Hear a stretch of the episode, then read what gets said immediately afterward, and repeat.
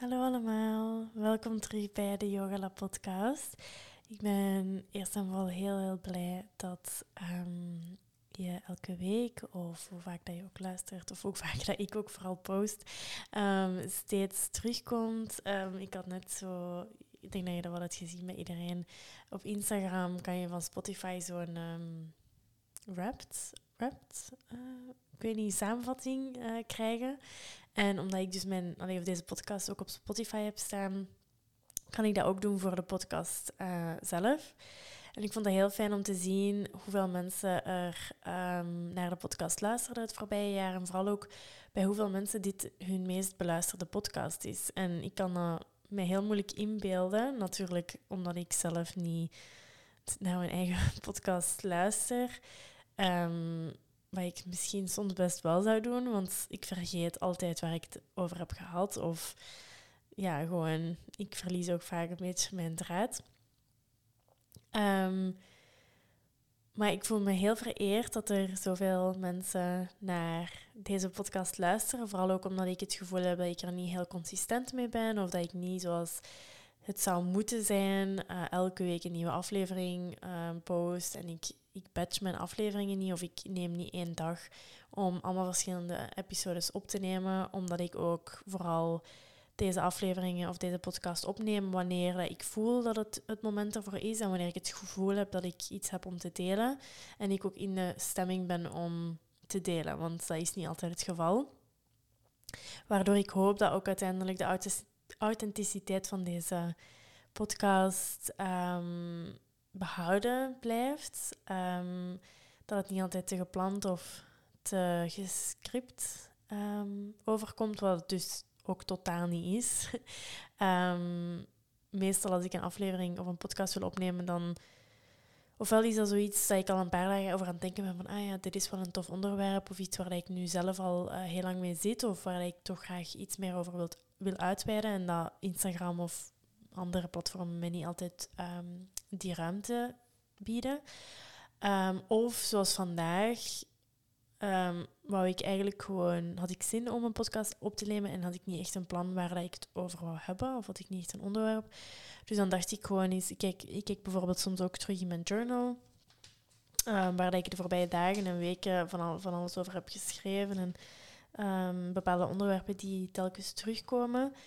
En van daaruit probeer ik dan te vertrekken. En ik probeer het allemaal niet te serieus te nemen. Ik denk dat we al genoeg dingen serieus moeten nemen um, in ons leven. En soms lijkt het zo alsof dat alles wat dat we doen, dat dat zo'n verplichting wordt uiteindelijk. Omdat de manier waarop we daarmee omgaan, gaat, allee, of zorgt ervoor dat er helemaal geen spontaniteit of geen plezier meer bij komt te kijken. En dat is het laatste wat ik wil met deze podcast. Is dat ik daar een verplichting van maak en um, mezelf forceren om elke week een, een aflevering op te nemen of één dag per, week, per maand of zo verschillende afleveringen op te nemen. Want dan, dan denk ik dat ik niet meer um, kan overbrengen wat dat ik uiteindelijk wil overbrengen met deze podcast. En dat is gewoon bepaalde uh, processen waar dat ik doorga en bepaalde lessen die ik heb geleerd of dingen die nog altijd moeilijk zijn of dingen ja, die ik gewoon graag wil delen. Um, dus hier zijn we weer. Uh, dus waar ik eigenlijk mee begonnen was, of waarom dat ik hier dan um, op ben uitgeweid, is gewoon om te zeggen, uh, of om dank u, dankjewel te zeggen om te luisteren naar de podcast. En om hier telkens weer te zijn en geduld te hebben als ik uh, een paar weken even niks post. Um, dus ja, dat is waar ik even wou mee beginnen. Ook in het thema van ja, het is december, het is bijna kerstmis en de, voor mij is dat echt de gezelligste periode van het jaar. En soms is er dan ook ergens een soort van druk dat ik mezelf opleg, van het moet gezellig zijn, of ik, ik moet altijd, ik, ik, niet, me op een bepaalde manier voelen. En dan, als dat niet zo is, dan voelt dat raar aan. Ja, dat heeft niks te maken met die, met die dankbaarheid of zo dat ik voelde, maar dat kwam gewoon in, even in mij op van... Bijvoorbeeld, we hebben dit weekend onze kerstboom gezet. En vroeger was het bij ons thuis altijd een traditie, of dat is nog altijd een traditie, om die, um, die kerstboom op te zetten in het weekend van Sinterklaas. Ehm, dus dat is wat we dit weekend ook hebben gedaan hier ehm, op, mijn, allee, op het appartement, niet, niet thuis. Uh, of ja, eigenlijk wel thuis, maar niet mijn vroeger thuis. En ik weet niet, dan staat die kerstboom er en dan denk ik, oh, dan ga ik mij super gezellig voelen altijd. Dat is dan ook wel, zeker als ik dan zo de lampjes aandoe en dan zit ik naast de kerstboom en dan ben ik mijn boek aan het lezen. Maar dan voor de rest van de dag loop je daar gewoon voorbij en denk je daar niet echt aan of besteed je daar niet heel veel aandacht aan. En dan denk ik, zou ik dat niet meer moeten appreciëren of zou ik me niet gezelliger moeten voelen? Ja, bon. Even een uh, korte rant over de verwachtingen die we onszelf duidelijk altijd opleggen. Um, terwijl dat eigenlijk helemaal niet nodig is, want het is kerstmis en we kunnen dat invullen hoe we dat willen invullen. En dat zou net een heel fijne periode moeten zijn, wat dat ook altijd is voor mij. Um, maar die verwachtingen, die, die zorgen ervoor dat er zo bepaalde ideeën worden gecreëerd die niet echt in te, in te vullen zijn of die niet echt haalbaar zijn. Um, dus ik denk dat dat wel een goede intentie is eh, voor de komende weken. Om alles gewoon te nemen zoals het is. En als ik mij op een dag bijvoorbeeld, of stel dat ik op kerstdag of ik weet niet, iets, als we iets met familie of vrienden aan het doen zijn en ik voel me niet echt goed of ik heb weinig energie, want dat is ook iets wat bij mij een uitdaging gaat zijn. Um, dat is voor het eerst sinds corona eigenlijk zoveel sociale dingen naar elkaar. Um, hele dagen lang met familie en heel veel mensen doorbrengen. En ik hou nu al een beetje mijn hart vast voor hoe dat ik daarmee ga omgaan. Want ik heb er heel veel zin in. Maar aan de andere kant heb ik ook ergens nu al een beetje stress voor um, hoe dat ik me ga voelen op het einde van die dagen. En op het einde van die, vooral die drie intense dagen uh, vol familie en vol um, ja, uiteindelijk ook wel plezier en, en heel leuke momenten. Um, maar ik, als ik altijd terugdenk aan onze kerstfeesten, zeker met, met de grote familie, dan herinner ik me altijd tegen het einde van de avond in de zetel met mijn boek dat ik waarschijnlijk heb gekregen van, voor kerstmis. Met mijn nieuw boek. Um, en dan bijna in slaap vallen terwijl iedereen aan, aan tafel zit te babbelen. Um, dus ik ga een manier moeten zoeken om daar goed mee om te gaan. Of om me daar een beetje op voor te bereiden, zodat ik niet te vermoeid ben. Um, dus ja. um, maar eigenlijk waar ik het vandaag ook een beetje over hebben. Aan de ene kant, misschien eigenlijk kunnen we het daar vandaag over hebben, omdat, omdat ik nu toch begin over het voorbereiden voor de kerstdagen en zo. en dat is um, mijn, of een, een update rond mijn hoogsensitiviteit. Want ik heb een hele tijd geleden, ik denk in mei dit jaar, een podcast opgenomen met Bieke Gene van Hoogsensitief Ouderschap. En ik weet dat heel veel mensen naar hebben geluisterd. Ik denk dat dat de meest beluisterde aflevering is. En ik heb daar ook heel veel berichtjes rond ontvangen van mensen die zeiden dat ze luisterden en ze zichzelf daar heel erg in herkenden. Wat dan een heel fijn gevoel kan geven, maar aan de andere kant misschien ook wel een beetje overweldigend is als je ineens beseft dat je tussen aanhalingstekens hoogsensitief bent. Um, en voor mij was, was dat hetzelfde eigenlijk toen ik daarachter kwam of toen mijn therapeut voor het eerst zei van ik denk dat je bepaalde kenmerken van hoogsensitieve persoon, uh, van een hoogsensitief persoon hebt. Misschien moet je daar eens wat meer gaan over um, opzoeken. En natuurlijk heeft zij mij daar ook heel hard in ondersteund en, en manier gevonden om daar goed mee om te gaan. En dat vooral ook te accepteren. Um, dus ik weet hoe het is om die, die eerste um, aanraking te hebben met het woord of het concept uh, hoogsensitiviteit. Vooral ook omdat voordat ik zelf mezelf dat echt niet labelde, maar voordat ik echt besefte van oké, dat is een heel sterk kenmerk van mij als persoon, um, had ik daar ook wel mijn oordelen over. En ik heb die nog altijd. Voor, zo bepaalde vooroordelen die gewoon inherent zijn aan onze samenleving en hoe dat wij kijken naar wat dat succesvol is en wat dat niet succesvol is, wat dat goed is en wat dat slecht is.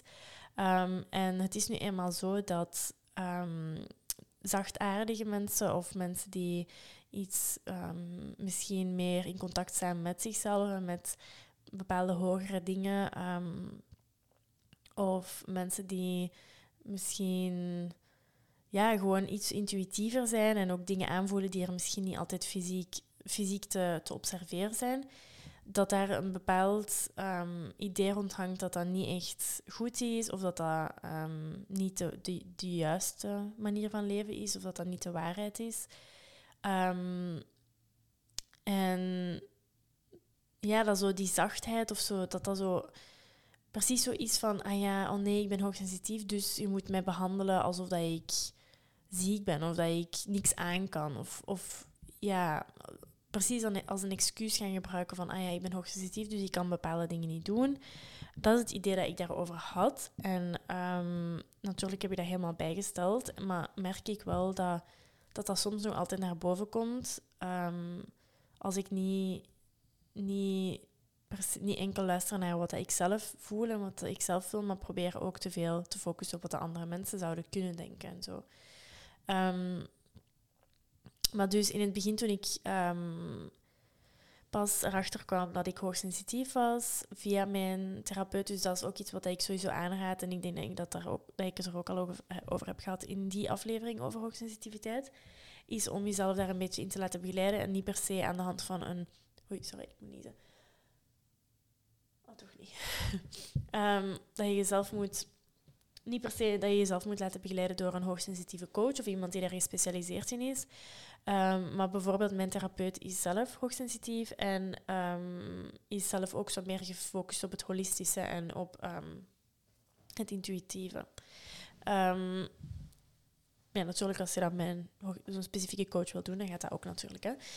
Maar ik wil maar zeggen dat er ook gewoon therapeuten zijn of psychologen zijn die daar ook wel ervaring mee hebben, omdat ze dat zelf zijn of omdat ze zich daarin gespecialiseerd hebben. Of gewoon ja, door praktische ervaring op te doen. Dus dat heeft me wel enorm geholpen om te weten dat, dat ik mijn psycholoog of mijn therapeut... Ja, het is eigenlijk een psychotherapeut, dat had ik gezien op, op de deur. Dus ik kan ze eigenlijk allebei gebruiken, denk ik, de woorden. Um, um, dat, zij, dat het heel fijn is om te weten dat zij daar altijd was, of dat zij er altijd is, om mij daar een beetje mee te helpen en meer duiding bij te geven. En vooral ook mij het gevoel te geven dat dat helemaal niet abnormaal is en dat dat ook helemaal oké is. En um, een manier leren of een manier vinden om daar beter mee om te gaan. Want in het begin was dat wel zo echt overweldigend. Van oké, ik ben hoogsensitief. Wat nu? Wordt dat, gaat dat mijn hele identiteit overnemen? Ga ik mijn hele leven daaraan moeten aanpassen? Ik ben dan ook veel boeken beginnen lezen. Ehm, en dan ben ik ook, heb ik ook die, die, um, dat programma, online programma van Bieke gevolgd. Um, dus van hoogsensitief ouderschap. En ik volg haar nog altijd, ja natuurlijk, ik volg haar nog altijd op Instagram. En ik moet zeggen dat ik daar heel veel waarde uit haal uit haar Instagram-profiel. Gewoon door haar posts en haar verhalen dat zij deelt. Bijvoorbeeld vandaag nog deelde zij iets over uitstelgedrag. Hoe ik dat het gisteren was, maar ik was vandaag aan het lezen. Um, dat zij iets deelde over uitstelgedrag, dat dat heel typisch is voor hoogsensitieve personen. En dat is iets waar ik sinds dat ik fulltime yoga leerkracht ben, heel hard uh, mee struggle. In de zin van dat ik bepaalde taken maar blijf voor mezelf voor me uitschuiven en dat ik er eigenlijk nooit toe kom. Zoals dingen zoals facturen opstellen, um, mails beantwoorden. Ja, gewoon zo van die kleinere dingen die niet heel belangrijk zijn, maar uiteindelijk toch wel gedaan moeten worden. Um, bijvoorbeeld ook mijn rekeningen bijhouden, mijn boekhouding in orde brengen. Dat zijn dingen waar ik heel, heel slecht in ben. En zij legde in die post ook uit van dat, als, dat, dat dat te maken heeft met een van de negen triggers van een hoogsensitieve persoon. En bij deze trigger ging het specifiek om um, oppervlakkigheid. En dat is echt iets waar ik me enorm in herken. Want als ik bijvoorbeeld een podcast moet opnemen of wil opnemen, zoals nu, dan zet ik me daar direct aan. Of als het gaat om uh, een yogales geven of een Instagram-post maken of iets delen op Instagram of ik weet niet, zo van die dingen die uiteindelijk voor mij veel meer diepgang hebben of die echt gaan om wat ik wil, of om hetgene wat ik belangrijk vind, namelijk ja, waarom dat ik yoga uiteindelijk doe, over mentale gezondheid, beweging. Um, ja, echt die diepgang die bij, zeker bij wat ik doe, heel, heel aanwezig is. Um, dan kan ik echt heel efficiënt zijn en dan kan ik op één dag heel veel werk gedaan krijgen of op een uur zelfs kan ik echt heel, heel efficiënt werken. Maar als ik dan een dag heb ingepland voor administratie, dan krijg ik soms niks gedaan. Of dan doe ik alsof dat ik belangrijker dingen te doen heb. Dan ga ik ineens het huis opruimen. Wat ik ook al ehm, wel kan uitstellen. Zo van die opruimdingen.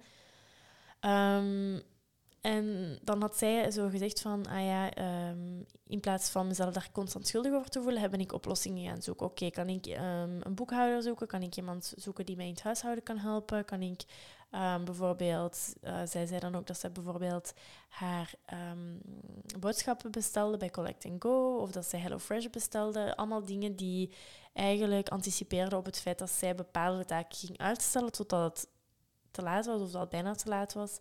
En dat was gewoon ook een heel, um, een heel goede herinnering of reminder voor mij van dat die hoogsensitiviteit zich in heel kleine dingen verschuilt. En ik, het ding wat ik dan vaak denk, is bijvoorbeeld, nu dat het gaat over bijvoorbeeld de uitstelgedrag, van, ah ja, maar iedereen heeft dat toch. Iedereen stelt toch van die kleine taakjes uit en dat zal ook wel zo zijn. Um, maar dat betekent niet dat dat niet ook een kenmerk kan zijn van hoogsensitiviteit. Want soms ben ik mezelf zo aan het gaslighten. zo van dat bepaalde dingen niet relevant zijn of dat ik me niet zo mag voelen of dat dat, niet, dat, dat geen kenmerk is van hoogsensitiviteit of dat iedereen zich zo voelt, dus dat dat niet relevant is en dat ik daar niet over mag klagen. Um, of daar niet over mag nadenken of niet mee mag inzitten.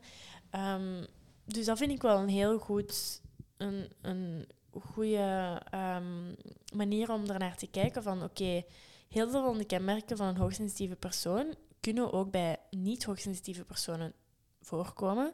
Het zijn gewoon algemene kenmerken van ons als mens. Um, maar dat betekent niet dat die daarom minder belangrijk zijn of minder um, relevant zijn of een minder grote impact kunnen hebben op hoe dat we functioneren in het dagelijks leven.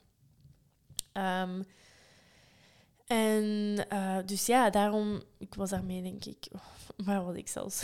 dat, dat is dus iets wat dat ook heel, heel kenmerkend is voor hoogsensitieve personen, is om is van zoveel verbanden te zien in ons hoofd en constant ja, te denken van, ah ja, maar dit heeft met dit te maken en nu kan ik hierover beginnen en hierover verder ingaan. En constant op zoek gaan naar die diepgang, dat je uiteindelijk precies van de hak op de tak aan het praten zij, totaal geen consistent verhaal kunt overbrengen. Um, en ja, dus zoals wat ik nu aan het doen ben, dat ik totaal niet bij de hoofdlijn kan blijven, omdat ik zo hard afdwaal telkens.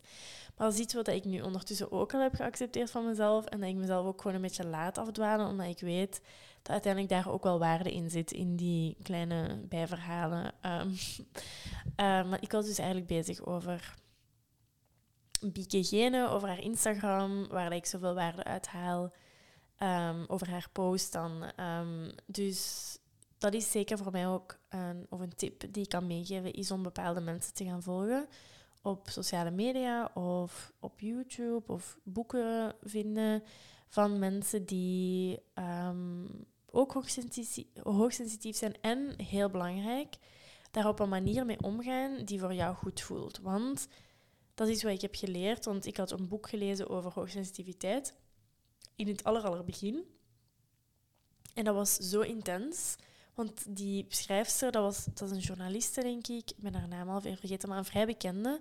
En die, heeft ook, die haar boeken zijn ook vrij bekend. Um, maar ik ben het vergeten hoe ze noemt. Um, iets met een F. Fleur? Floor? Oké, maakt niet uit. Um, en die vertelde zo haar hele geschiedenis, haar hele levensverhaal, maar daar kwam heel veel trauma in voor. En ik dacht dan achteraf van, oké, voor een hoogsensitieve persoon is dit niet echt een heel goed boek. Of voor mij, want nu ben ik aan het generaliseren. Voor mij was dat niet zo'n goed boek, want ik neem die trauma's en die verhalen die zij deelde heel persoonlijk. Of ik begon dat echt, um, dat begon echt zwaar te wegen. En ik heb het boek echt aan de kant moeten leggen, omdat het gewoon te zwaar was en een heel zware thema's aanraakte. Dus er zijn ook andere, er zijn verschillende manieren om met die hoogsensitiviteit om te gaan. Sommige mensen gaan daar ook iets meer mee identificeren, andere iets minder. Um, dus het hangt echt af van hoe dat die persoon omgaat met die hoogsensitiviteit en proberen daar een beetje een uh, match in te vinden. Bijvoorbeeld, ik vind Bieke geen haarbenadering heel, heel goed. Uh, en ook, dat voelt heel goed om gewoon haar verhalen te, te lezen op Instagram en haar posts te lezen. En ik krijg daar nooit een gevoel bij bij dat, dat ik iets niet kan of dat um, hoogsensitiviteit als iets negatief wordt gezien. Zij benadert op een heel positieve en op een heel open manier. Dus ik raad je zeker zeker vast aan om eens gewoon te gaan kijken bij haar en te zien wat dat, um, wat dat het gevoel dat dat jou geeft en dan zien of je daar ook um, in verder wilt gaan. Um, maar ik weet ondertussen veel van de mensen die mij volgen op Instagram of deze podcast luisteren ook haar volgen en ook al een paar van haar video's hebben gedaan, gevolgd of zelfs van die workshops dat zij soms doet. Uh, wat dat natuurlijk heel fijn is om te horen dat ik andere mensen daarmee kan helpen. Maar dus, ja, weer beetje mijn draad kwijt. Um, even een slokje koffie. Mm. Oké, dus ik was eigenlijk bezig over hoe ik nu op dit moment omga met mijn hoogsensitiviteit en hoe dat ik daarin ben geëvolueerd sinds dat ik daar ben achtergekomen. Dus ik weet nu ondertussen al, want dat is in therapie, um, ik ben ongeveer een jaar en een half geleden, bijna twee jaar geleden, met, met therapie begonnen. Um, en toen, denk ik, na een paar weken, dat mijn therapeut meteen um, het had over hoogsensitiviteit. Dus dat is nu wel al een tijdje geleden, onder, ondertussen veel boeken gelezen, veel, um, veel gewoon diep, allee, veel dingen gaan bestuderen en, en, en ja, me echt gaan verdiepen in het hoogsensitiviteit, uh, in, in het concept hoogsensitiviteit. En wat ik nu merk, is dat ik daar veel minder um, moet over nadenken. Dus in het begin was dat echt een beetje zoeken. Um, ik herkende me in heel veel van de dingen die aangehaald worden bij hoogsensitiviteit. Um, ik merkte dat mijn, mijn leven op een manier was ingevuld of gestructureerd dat totaal niet ondersteunend was voor mijn hoogsensitiviteit. En ik heb daar dan een beetje verandering in gebracht. Um, ik, en dat gaat allemaal samen, gaat hand in hand met het proces van betere grenzen leren stellen, um, dichter bij jezelf komen, meer zelfvertrouwen en vooral meer leren luisteren naar je lichaam. En dat is wat dus. Daarom is mijn, mijn journey of mijn proces naar, naar meer of dichter tot mezelf en voor mijn mentale gezondheid te verbeteren of, of, of te ondersteunen gaat heel hard samen bij mij met dat hoogsensitiviteit. Dat gaat eigenlijk hand in hand, want zonder um, voldoende zelfzorg en zonder het weten wat dat lichaam nodig heeft en zonder te leren luisteren naar het lichaam, kunnen we eigenlijk weinig doen aan dat hoogsensitiviteit. Of kunnen we daar weinig mee, um, weinig aan gaan, gaan ondersteunen, omdat we gewoon niet weten wat dat we nodig hebben. Dus dat was voor mij een eerste stap. Oké, van wat, waar herken ik mij in? Um, en er zijn ook bepaalde dingen waar ik mij niet in herkende. Um, maar bijvoorbeeld bepaalde dingen waar ik me heel hard in herken is... Dus als je dan de negen triggers hebt van Bieke Genen... Ik ga ze eens even opzoeken. Hè. Bieke Genen... Hoogsensitief ouderschap... Dat gaat toch op haar website staan, denk ik. Nee, niet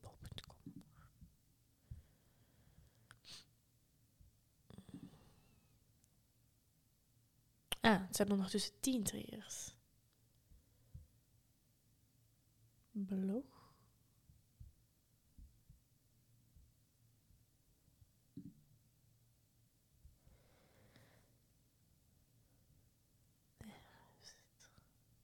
Ah, hier, de negen triggers van hoogsensitiviteit. Oké. Dus, de negen triggers, ik zal ze hier even aanhalen. Dat zijn uh, negen triggers die zij een beetje heeft um, gecategoriseerd. Dus zij heeft die tussen aanhalingstekens uitgevonden. Um, dus de eerste is overprikkeling. En dat is iets waar ik zo hard mee struggle. Overprikkeling is voor mij zo, zo een rode draad door mijn leven. Um, bijvoorbeeld gisteravond nog was ik compleet overprikkeld. Gewoon door de manier... Oké, nee. Um, ik ga het gewoon zeggen. Door de manier waarop dat mijn vriend thuis kwam met zijn schoenen aan de trappen opkwam en door het huis bleef wandelen met zijn schoenen aan en dus te veel lawaai maakte voor mij. Um, en dan was hij van alles aan doen, want die, vertrok, die is ochtend op skivakantie vertrokken. Um, was hij van alles aan doen en rommel aan het maken. En, en ik lag in mijn bed met mijn hele skincare routine al gedaan, mijn olie op mijn gezicht. Ik was mijn boek aan het lezen, mijn gsm lag aan de kant, dus ik was helemaal klaar om te ontspannen.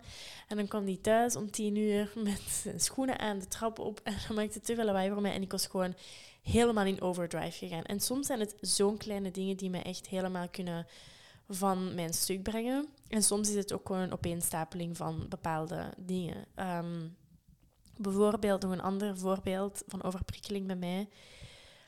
Um, was toen een twee, drietal week, weken geleden kwamen mijn vriendinnen uit Engeland en Australië. Allee, dus um, dat is iets waar ik het in de vorige afleveringen ook al heb over gehad. Ik heb vijf jaar geleden een half jaar in Amerika gestudeerd en daar heb ik uh, veel vrienden en vriendinnen gemaakt. En mijn drie beste vriendinnen zijn twee uit Engeland en één uit Australië. En die Australische die woont nu in Engeland, in Londen.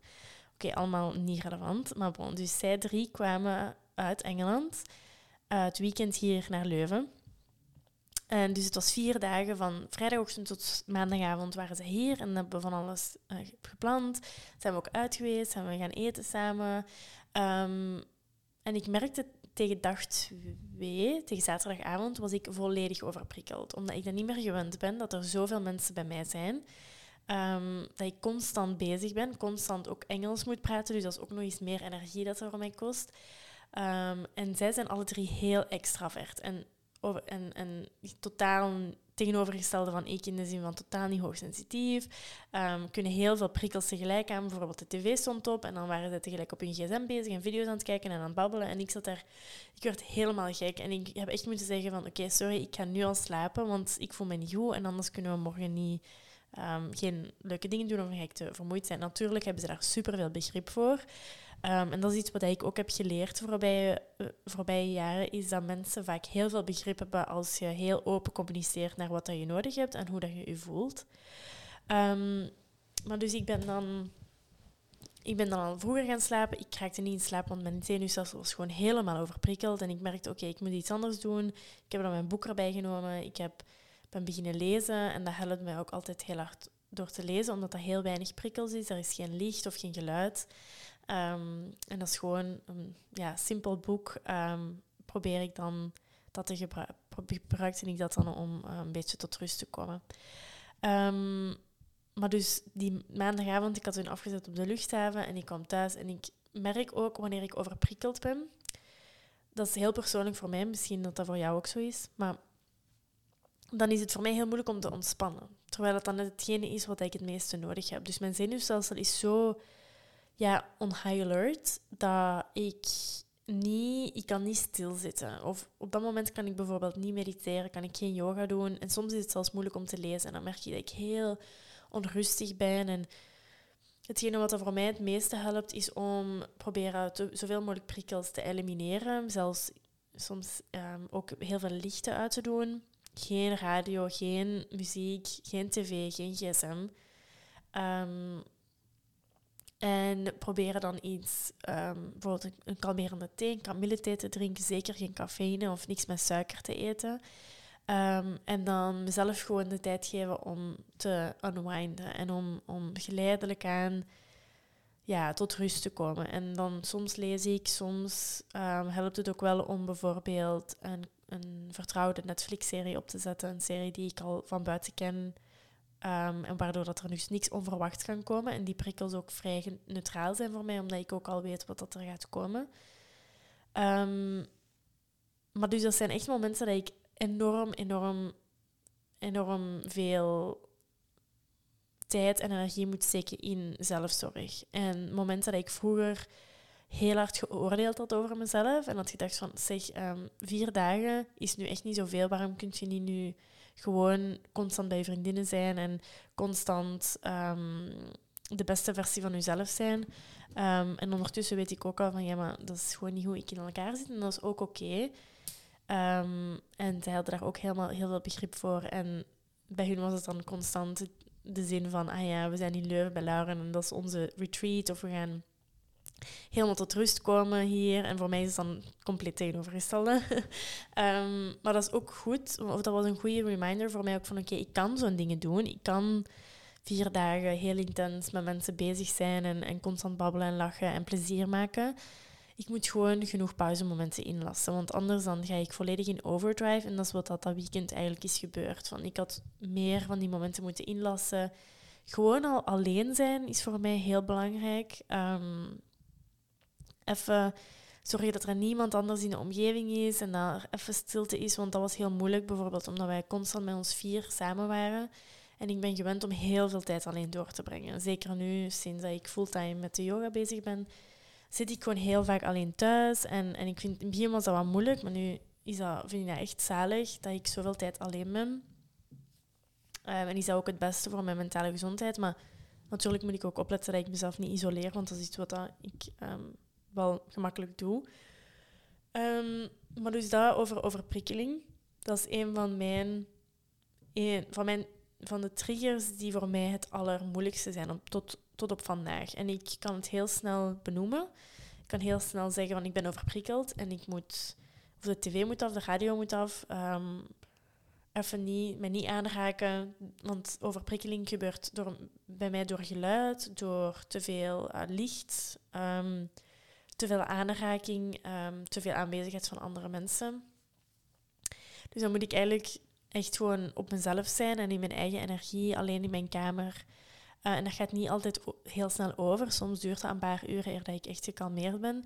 Maar ik heb ook wel geleerd om daar heel veel geduld bij te hebben. Om niet te veel te verwachten van mezelf of te verwachten dat ik van het ene op het andere moment me ineens beter voel.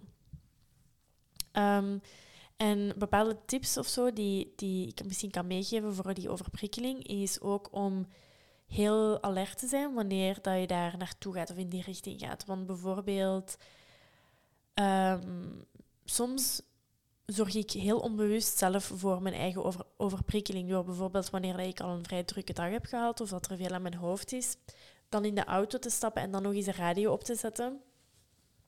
Um, en soms doet dat deugd uh, om muziek op te zetten en te kunnen meezingen. En is een soort van outlet. Maar um, soms is dat dan ook gewoon even de druppel um, van nog eens die radio erbij te nemen. en hetzelfde is als er bijvoorbeeld vrienden op bezoek zijn, dan bijvoorbeeld niet de tv aan te zetten.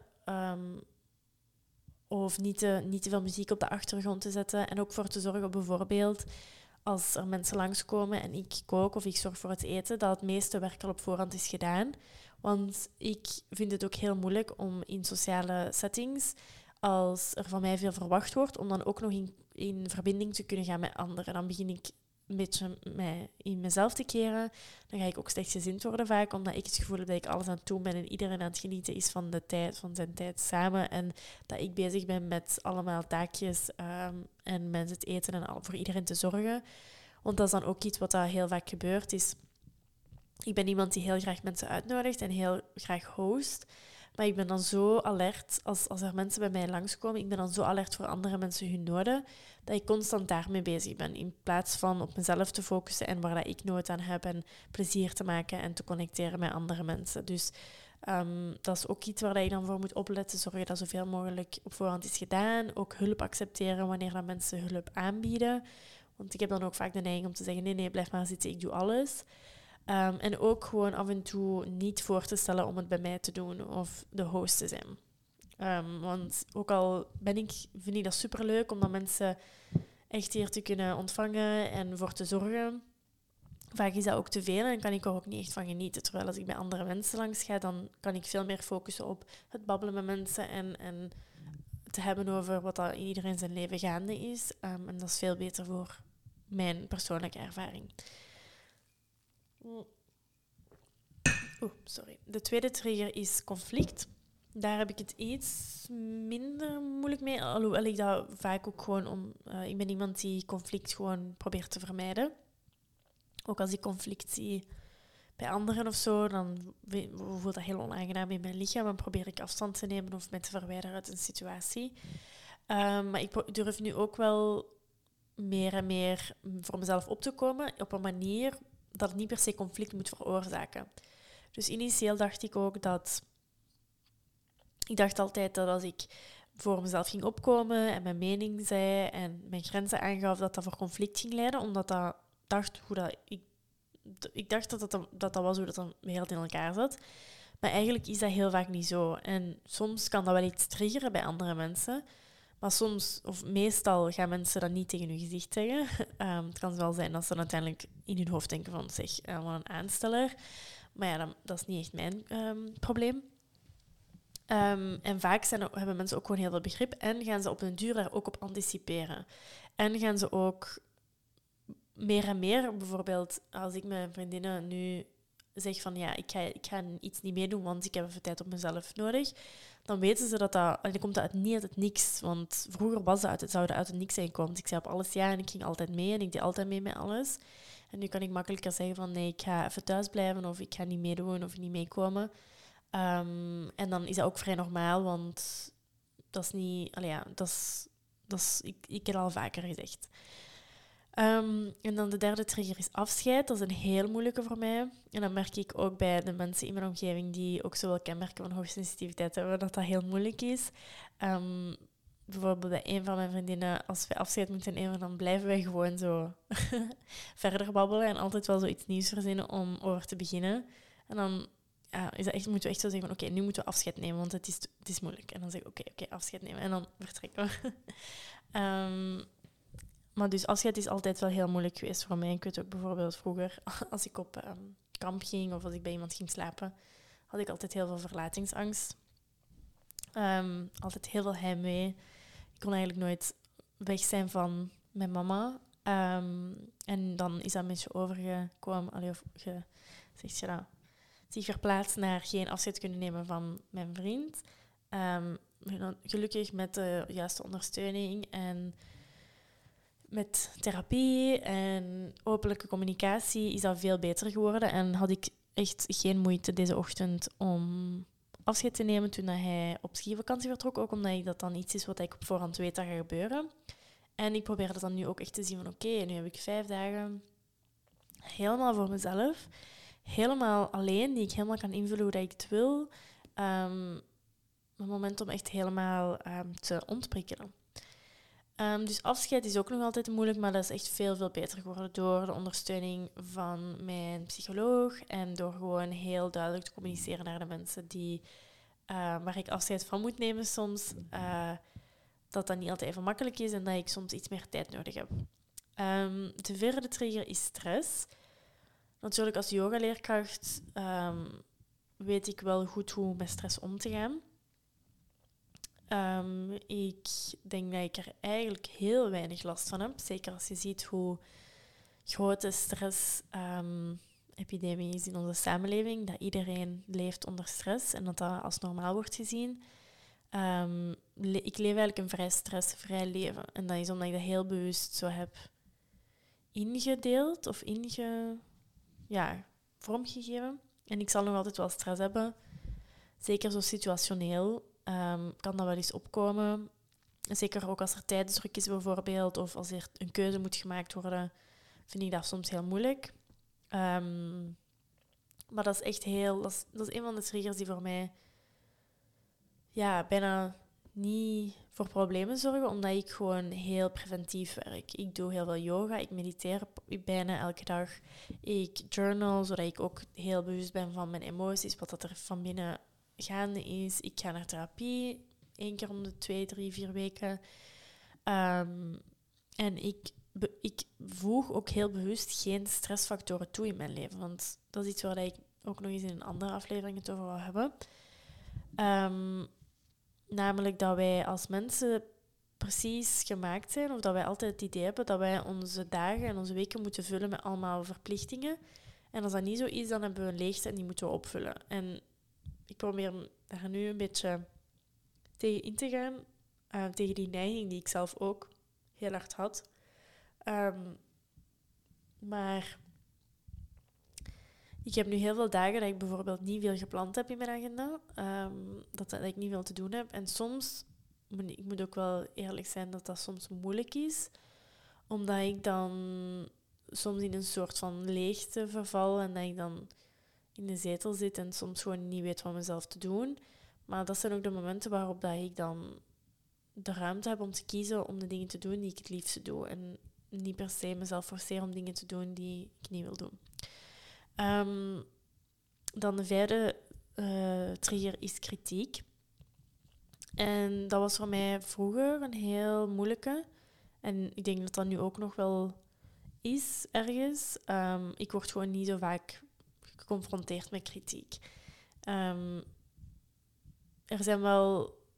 Vroeger bijvoorbeeld was ik heel afhankelijk van wat dat mijn, de mensen in mijn dichte omgeving van mij vonden en zeiden en wat, zij, wat hun mening was over mijn beslissingen of mijn keuzes. Terwijl dat dan nu helemaal is weggevallen. Ik merk dat ik ben de enige die moet nadenken en moet tevreden zijn over mijn beslissingen of hoe ik eruit zie of over wat ik doe. Um, bijvoorbeeld, ik heb nu ook sinds een week twee nieuwe tattoos. En dat is iets waar ik vroeger heel veel um, validatie voor gezocht zou hebben. En constant naar andere mensen, ah ja, kijk, en ik heb dit. En uh, als mensen dan niet echt positief reageerden of niet reageerden zoals ik zou willen dat ze reageren, dan zou ik daarover, daar zou ik daarmee inzitten en zou ik me slecht voelen.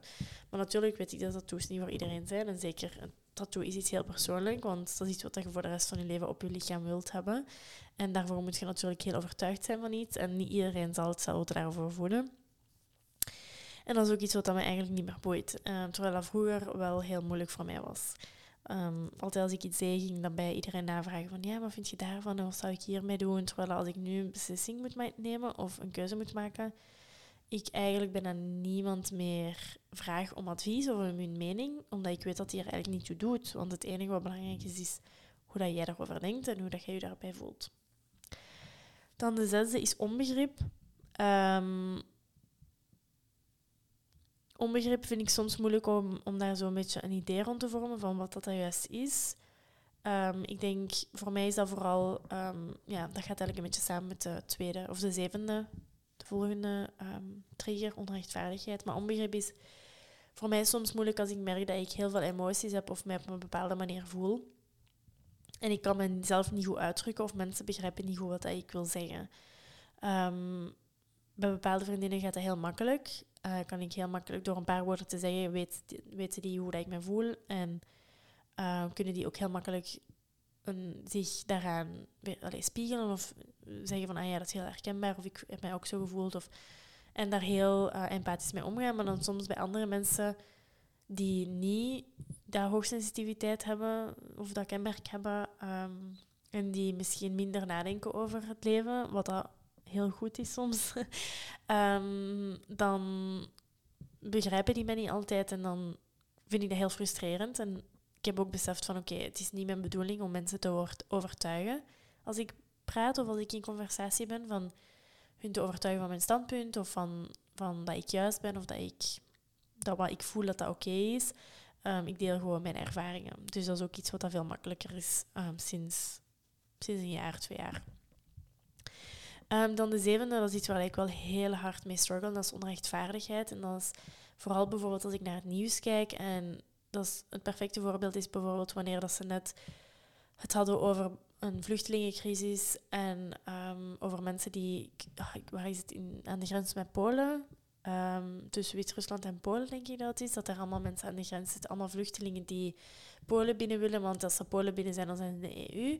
Ehm, en dan vind ik dat zo verschrikkelijk om te zien dat die mensen daar zitten en dat die gewoon met een leger worden buiten gehouden. Alsof dat, dat ja, ik weet niet, alsof dat, dat geen mensen zijn. Alsof die niet, niet dezelfde problemen hebben als ons en als die niet ook gewoon een dak boven hun hoofd willen hebben en het beste voor hun kinderen en een job willen hebben en willen werken, alsof die slecht zijn. Dat is, dat is zo hoe dat in elke ja, crisis of elke situatie wordt er vaak zo van ah ja, wij en zij. Um, terwijl voor mij is dat dan altijd heel frustrerend. Maar dat zijn mensen. Hoe kun je die mensen buiten houden? Die zitten daar te verhongeren, die hebben niks. En dan, en dan ben ik zo aangedaan door daar naar te kijken. Of onlangs ook dat, dat ongeluk met die vluchtelingen die van Engeland naar Frankrijk wouden komen. En dan wordt daar zo'n heel diplomatisch spel van gemaakt. En ik wil hier niet over politiek beginnen, maar dan wordt daar zo'n heel spel van gemaakt. En dan denk ik, oké, okay, is dit nu echt de kern van de zaak over hoe dat jullie daarmee omgaan en hoe wie er de bovenhand heeft en wie dat er hier het beste uitkomt. Terwijl er letterlijk zoveel mensenlevens zijn verloren gegaan. Dat is echt... Soms denk ik, dat is ook zo van dat is zo irrelevant. Oh, grenzen bestaan niet echt. Grenzen zijn zijn gemaakt door de mens. Dus waarom zouden we mensen buiten houden uit... Ja, ik snap dat er ergens een structuur moet zijn en een systeem en dat die dingen moeten aangepakt worden. En, dat, en ik ben er ook van overtuigd dat de vluchtelingencrisis ook niet op te lossen valt door iedereen gewoon iedereen binnen te houden, binnen te laten. Terwijl, ja, ik zou dat dan wel doen, maar dan eerder van, oké, we gaan het probleem aanpakken van waar dat, uh, mensen komen en proberen te zien van, oké, wat is de situatie, waarom willen mensen vluchten? Ehm, maar dat wordt ook niet echt gedaan, terwijl tenzij dat er voordeel uit te halen is voor het land in kwestie. Maar oké, dat is een heel ander verhaal. Um, maar dus dan zien we zoiets, zo van die verschrikkelijke beelden op het nieuws en dan beginnen ze daarna, gaan ze over naar de sport. En dan gaat het over de voetbalmatch van gisteren of... En dan zijn ze mopjes aan het maken onder elkaar, zo de sportanker en dan het nieuwsanker. En dan denk ik, oké, dus jullie hebben net het gehad over mensen die gestorven zijn of mensen die daar zitten of mensen met problemen. En nu gaan we het hebben over de sport. En niet dat de sport niet belangrijk is. Ik doe zelf yoga, ik weet hoe belangrijk dat is. Maar dat zijn zo van die situaties waar ik echt gewoon zo gefrustreerd van kan raken. En dat is maar één van de voorbeelden dat altijd als het over mensenrechten gaat, of over de klimaatopwarming of, of klimaatverandering, de opwarming van de aarde, over vluchtelingencrisis, over oorlogen, over conflict, over mensen, over ja, ik weet het niet, over mensen die niet worden behandeld als mensen of als minderwaardig worden gezien, dan raakt me dat zo diep en dan kan ik echt daar weken, dagen mee inzitten en echt mijn dag laten overnemen. Dus daarom dat ik ook heel bewust het nieuws niet meer kijk. En niet omdat ik niet wil weten wat er gaande is in de wereld, maar omdat ik anders gewoon niks gedaan krijg. Omdat ik me anders altijd zo ellendig voel over wat er gaande is in de wereld. Um, dus die onrechtvaardigheid, zoals je wel kan zeggen, denk ik, of wel kan zien, is voor mij nog altijd heel moeilijk. Um, en ik probeer mezelf daar gewoon een beetje tegen te beschermen door niet te veel in gesprek te gaan daarover. En ik weet dat die gesprekken heel belangrijk zijn, maar ik moet gewoon aan mijn eigen mentale gezondheid denken. En ik er zijn bepaalde... Ik heb mijn ideeën, ik heb mijn idealen en ik kijk naar de wereld op een bepaalde manier. En er is een bepaalde ideale wereld die ik voor mij zie, maar ik moet daar mijn eigen leven niet voor opgeven om die te realiseren. Ik denk dat door gewoon mezelf te zijn, dicht bij mezelf te staan, met andere mensen zo weinig mogelijk kwaad te doen, zoveel mogelijk begrip te tonen voor iedereen dicht bij mij en verder van mij, dat dat al een eerste stap is naar een iets vredevollere en inclusievere wereld. Um, en dan acht. Um, trigger 8 is oppervlakkigheid. En dat heeft daar een beetje te maken bij, met wat ik het hiervoor over had. Um, ja, small talk vind ik gewoon heel vaak verschrikkelijk. En het hebben over... Ja, ik weet niet, zelfs het praten over een job of zo, of over het werk, vind ik ook al heel moeilijk, omdat dat voor mij niet echt relevant is altijd ik wil het dan al hebben over hoe dat mensen zich voelen over dingen en wat dat er in hun hoofd omgaat. En ik ben ook tot besef gekomen dat dat niet altijd hoeft. Dat we niet altijd hoeven diep te gaan en niet altijd diepste gesprekken moeten hebben om iets, ehm, om een belangrijk of een goede vriendschap te hebben of een goede band te hebben. Dat, het, dat dat niet slecht is om het soms over andere dingen te hebben of over de toekomst of over ik weet het niet, over dingen die als oppervlakkig gezien worden, zoals make-up of over onze kleren of over dingen die uiteindelijk ook gewoon fijn zijn om over te praten. Maar in mijn hoofd is dat dan altijd iets moeilijker, omdat ik dan precies zo wat dieper wil gaan. En ik denk dat het een heel belangrijke realisatie is geweest voor mij, omdat er gewoon bepaalde mensen zijn in mijn leven waarbij ik heel makkelijk heel diep, heel diep kan gaan of heel serieuze gesprekken mee kan hebben die, die het, hebben, alleen het hebben over de, de staat van de wereld of over ehm, de reden van ons bestaan en zo van die dingen. Ehm, maar dat dat niet met iedereen hoeft te zijn. En dat, we dan, dat betekent niet dat we geen even goede vrienden kunnen zijn. Um, dus die oppervlakkigheid is ook iets waar ik het veel beter, uh, veel beter mee kan omgaan nu. Veel makkelijker. en dan tenslotte hebben we de negende trier dominantie. En dat vind ik ook altijd heel moeilijk om in te vullen van wat betekent dat juist, die dominantie. Maar hetgene waar ik direct aan denk is um, het bestaan van hiërarchie. Ik vind het heel moeilijk om, dat, om om te gaan met het concept hiërarchie. Dat er mensen zijn die boven andere mensen zijn en andere mensen die onder andere mensen staan. En dat er mensen zijn met meer macht, minder macht. En ik weet dat om, onze samenleving in goede banen te leiden, zijn er nu eenmaal mensen die verantwoordelijkheid moeten nemen en beslissingen moeten maken. Maar ik vind dat heel moeilijk dat dat concept macht en, en, en hiërarchie en verschil in, in, waar, in verschil in waarde die daarbij komt kijken. Niet per se van. Want het is niet per se dat iemand die bijvoorbeeld um, minister is van iets, dat die belangrijker is dan een, gewoon een mens zoals, zoals jij en ik. Um, maar dat is wel wat daar, wat daar wordt gegeven, of de betekenis die daar wordt aangegeven. En daar vind ik, dat vind ik heel moeilijk, want dat zijn ook maar mensen, zijn ook mensen met dezelfde problemen, dezelfde uh, manier, of ja, ik weet niet, dezelfde dingen die die leuk vinden of niet leuk vinden, of die die graag willen doen in het leven. Um, dus dat vind ik ook heel moeilijk, zo macht en positie en ja, dat is, dat is zo'n concept waar ik het niet altijd even makkelijk mee heb. Maar bon, we zijn nu ondertussen alweer 50 minuten verder. Um, maar dus, dat waren nog eens een negen triggers, zodat die voor mij, um, hoe dat ik die ervaar en hoe dat ik daar mee omga en de verbetering die ik daarin heb gezien. Maar dus de meeste triggers zijn voor mij um, wel oké of zijn dingen waar ik heel goed mee om kan. en er zijn gewoon nog een paar, zoals overprikkeling en onrechtvaardigheid, die heel aanwezig zijn en die, waar ik vaak nog wel um, moeite mee heb. Um, maar dus zoals nu gewoon door deze, door deze lijst te overlopen, ben ik tot het besef gekomen dat er eigenlijk dat er een heel groot verschil is in nu en dan wanneer ik pas besef dat ik hoogsensitief was en dat dat een heel, een heel lang proces is geweest, um, waarbij ik heel veel geduld heb moeten hebben. En dat er nu gewoon dingen zijn die veel gemakkelijker gaan en die veel beter aanvoelen. Het communiceren over mijn grenzen, mijn gevoelens, um, wat ik nodig heb, dat, dat is allemaal veel makkelijker geworden voor mij. En dat voelt ook heel goed natuurlijk, want daardoor kun je ook veel betere relaties opbouwen met mensen, omdat je veel opener bent in je communicatie. Terwijl we soms zo gewend zijn om alles te verstoppen en als mensen iets doen wat dat je niet aanstaat, dat, dat niet te zeggen. En um, als je iets nodig hebt, om daar ook niet over te communiceren. Terwijl als je dat wel doet en als je zegt van oké, okay, toen je dat zei of dat deed, dat vond ik eigenlijk niet fijn of dat deed mij zo voelen, dan weten die mensen ook wat er gaande is. En het heeft geen zin om bijvoorbeeld vroeger, hoe vaak dat we zo met onder vriendinnen bijvoorbeeld, um, dat er zoiets was en dan zo slecht, zo slechtgezinde berichten sturen. Zo van nee, er is niks, maar uiteindelijk was er wel iets. En dan zo niet daar open over kunnen zijn. Dan denk ik, ja, we zijn nu toch veel verder dan dat.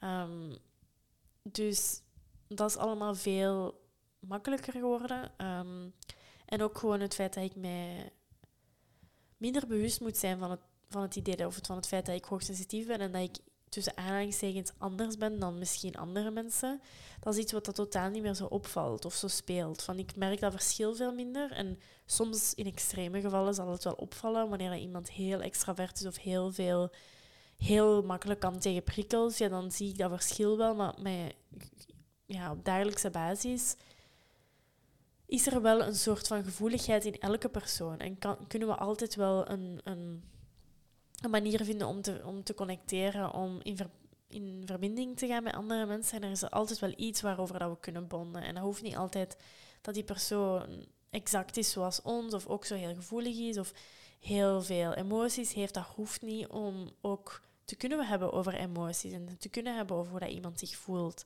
Um, ik denk dat, dat dat is ook weer een manier om dan de mensen te verdelen in hoogsensitieve en niet hoogsensitieve personen. Ik denk dat we allemaal in ons wel een soort van sensitiviteit hebben. Dat dat gewoon inherent is aan de mens, van gewoon emoties te hebben en gevoelig te zijn. En mensen die heel weinig emoties hebben of die daar niet goed mee kunnen omgaan, dat, dat is ook niet per se omdat ze zo zijn in essentie, maar dat is misschien omdat ze bepaalde dingen proberen weg te duwen of die te bang zijn om bepaalde dingen te voelen. Wat dat ook heel terecht is, want soms is het ook gewoon eng om dingen te voelen. Um, dus ja, ik denk dat ik vooral heel blij ben dat ik sta waar ik sta en dat ik heel veel geduld heb gehad. Um, want dat is ook wel nodig, zeker als we zoiets niet aanpakken, maar als we aan zoiets beginnen, aan een manier om beter om te gaan met die prikkels en met de wereld rondom ons, op een manier die beter voelt voor ons. Want dat is wel echt mogelijk. Ehm, hoe meer we leren omgaan met onze hoogsensitiviteit en hoe beter we ook kunnen aangeven wat dat goed voelt en wat dat niet goed voelt, hoe minder dat, dat, dat die hoogsensitiviteit speelt en hoe minder relevant dat, dat wordt, um, dat zal nog altijd wel een deel van ons uitmaken. Het zal altijd aanwezig blijven bij mij. Um, en dat gaat zich nog altijd af en toe tonen, bijvoorbeeld in een overprikkelingsavond of alleen willen zijn of geen zin hebben in heel drukke sociale situaties of ja, bepaalde dingen die gewoon mij, mij maken um, en die jou jou maken en die helemaal oké zijn en die we niet moeten veranderen per se. Want soms zijn we zo bezig met het veranderen van hoe dat we zijn, omdat, om zo andere mensen misschien zich meer op hun gemak te voelen of gewoon beter te passen binnen het, het kader van wat van ons wordt, wordt verwacht in, in deze samenleving. Ehm, maar ik denk dat we ons allemaal te veel gaan aanpassen aan een iets minder sensitieve een iets minder gevoelige norm, dan verliezen we zoveel van onze menselijkheid. Dus ik denk dat dat heel mooi is om die hoogsensitiviteit te hebben. Soms, bijvoorbeeld nu, kijk ik ook uit het raam en zie ik, zie ik de hemel met heel mooie wolken en de zon die nog op sommige wolken schijnt en dan de vogels die voorbij komen. En ik besef ook dat die hoogsensitiviteit echt een, een, een heel grote meerwaarde is in mijn leven. Dat dat mij helpt om echte nuances te voelen, om dingen te appreciëren die misschien andere mensen niet altijd zien. Om, dat helpt mij ook echt gewoon om dichter bij mezelf te staan, want ik ben veel, mij veel meer bewust van bepaalde sensaties in mijn lichaam. Um, ik denk over veel meer na, wat dat soms ook tot heel mooie gedachten kan leiden.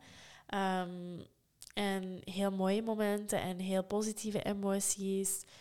Uh, en ja, gewoon het feit dat ik zo diep kan voelen en de dingen kan ervaren, is voor mij enkel een bonus. Dat ik bij een Disney-film zo geëmotioneerd kan zijn of dat ik een boek kan lezen en me zo kan verplaatsen in die personages en me helemaal kan inbeelden hoe het is om, om dat leven te leiden.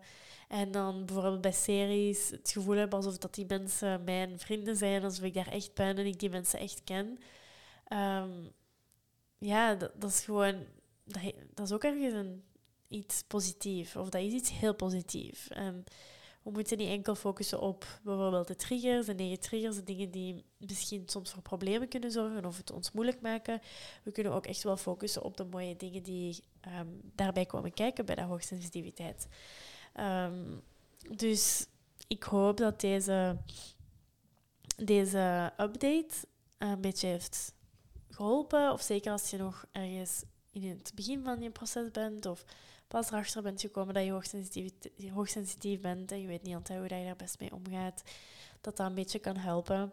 Um, maar ik probeer vooral ik probeer je vooral aan te moedigen, of ik wil je vooral aanmoedigen om niet te streng te zijn voor jezelf en niet de dingen te willen overhaasten. Het is een proces, het gaat even duren. Um, ik ben nu ongeveer anderhalf jaar daarmee bezig en nog denk ik dat er heel veel dingen gaan veranderen natuurlijk. Ik ben nog maar 26, dus mijn hele leven ligt nog voor mij.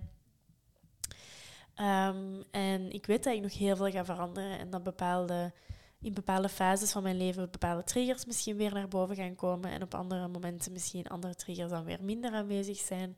En dat dat altijd gaat blijven veranderen. Um, dus ja, ik denk dat er nu de grootste uitdaging voor ons allemaal, misschien als, als je hoogsensitief bent of als je gewoon merkt dat je vrij snel overprikkeld bent of je in andere aspecten herkent, dat de grootste uitdaging er nu gaat, zit aan te komen met de feestdagen, hoe dat we daarmee gaan omgaan.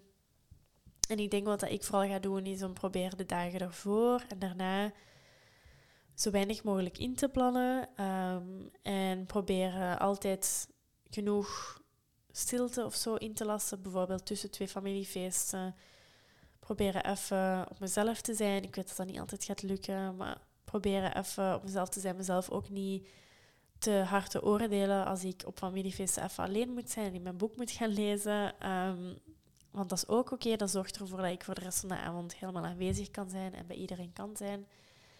Um, dus ja, vooral ook proberen genoeg te eten, genoeg water te drinken, genoeg te slapen. Dat zijn de dingen die voor mij echt heel belangrijk zijn, merk ik. Um, slaap is voor mij mijn allergrootste prioriteit. Ehm, sorry, even dorst. Ik merk dat als ik niet genoeg slapen heb, dan is alles versterkt. En zijn alle prikkels veel intenser. Dus probeer ook echt elke nacht 8 tot 9 uur, soms 10 uur te slapen. Ik merk dat ik ook gewoon meer slaap nodig heb dan, dan de gemiddelde mens. Um, en ik laat mezelf toe om dutjes te doen overdag. Um, ik probeer niet zoveel cafeïne te drinken. Dat is ook iets heel belangrijk, merk ik, om mijn zenuwstelsel kalm te houden. Want ik ben al zo snel... Uh, ik ga vrij snel in overdrive um, door gewoon van buitenaf prikkels te ontvangen. Dus ik moet er echt geen van binnenuit toevoegen. Dus zo weinig mogelijk cafeïne. Probeer mijn suiker te minderen, maar dat is niet altijd even makkelijk. Want ik eet nu helemaal gewoon graag chocola en, en al die dingen. En ik voeg ook makkelijk suiker toe aan mijn puree of aan mijn, aan mijn pasta saus. Um, alcohol is ook eentje die vooral de dag erna een grote impact heeft op mijn gezondheid en hoe ik me voel. Dus daar probeer ik ook heel bewust mee om te gaan. Niet dat ik nooit drink, maar ik probeer gewoon niet te ver te gaan. Daar een beetje op te letten. Um, dus dat is ook iets wat ik de komende weken en vooral rond de feestdagen ga proberen doen. Um, dus ja, en ik merk dat ik een uur lang weer heb zitten babbelen en één stuk door. Dus dat kan ik uh, wel. um, zeker als het over diepere onderwerpen gaat, dan kan ik uren blijven praten. Uh, maar ik ga je nu laten. Ik ga nog een paar meditaties opnemen voor de membership. Uh, als je helemaal tot hier geraakt bent en je hebt toevallig interesse in mijn online yoga membership, Nourish, dan zal ik de link in de beschrijving van de aflevering zetten. Dan kan je altijd eens op de website gaan kijken. Um, Nourish is mijn online membership waar ik wekelijks yoga-video's of meditaties uh, post. Die helpen bij het kalmeren van het zenuwstelsel en het in balans houden van het zenuwstelsel. Iets wat heel belangrijk is bij hoogsensitiviteit. En ik merk dat vooral die relaxatie-yoga, yin-yoga, meditatie een enorm grote rol spelen in, mijn, in de gezondheid van mijn zenuwstelsel en in hoe dat ik me voel doorheen de dag en hoe dat ik om kan gaan met prikkels. Als ik gemediteerd heb ochtends en als ik yoga heb gedaan of probeer regelmatig yin-yoga te doen, dan merk ik dat ik gewoon veel meer aan kan en dan komen de dingen ook niet zo hard binnen. Heb ik een soort van bubbel rond mij die ik dan gecreëerd heb, precies door, door die meditatie. Um, wat dan mij ook echt enorm helpt doorheen de dag. Dus als je jezelf herkent in dit hele, hele hoogsensitiviteitsverhaal, als je op zoek bent naar een manier om daar iets beter mee om te gaan, dan mag je zeker eens gaan kijken in de link uh, in de beschrijving en op de website veel meer informatie vinden over de membership. Maar goed, ik ga het hierbij laten.